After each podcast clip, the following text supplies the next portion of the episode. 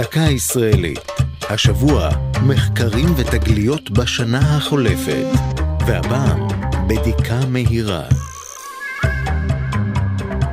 אי אז, בדצמבר 2019, כשנגיף מסתורי התגלה בסין, איש לא תיאר לעצמו שהעולם ישתנה לעד.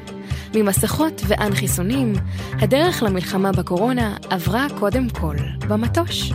בסגר הראשון, כשמרביתנו נשארנו בבית וחיפשנו תעסוקה, כינסה הדוקטור נעמה גבע זטורסקי מהפקולטה לרפואה בטכניון את חברי מעבדתה. ולאחר סיעור מוחות בשילוב עמיתים מבוסטון שבארצות הברית, הם החליטו לפתח בדיקת רוק מהירה לקורונה.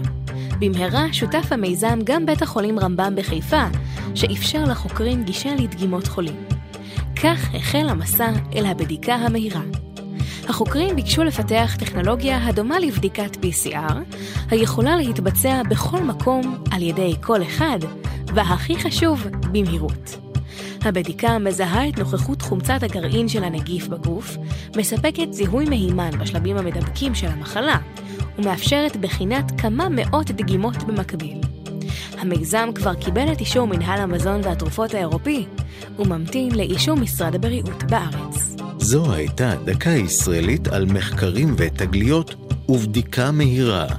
כתבה והגישה עדן לוי, הפיקה אור זועי סולומוני, ייעוץ לשוני הדוקטור אבשלום קור.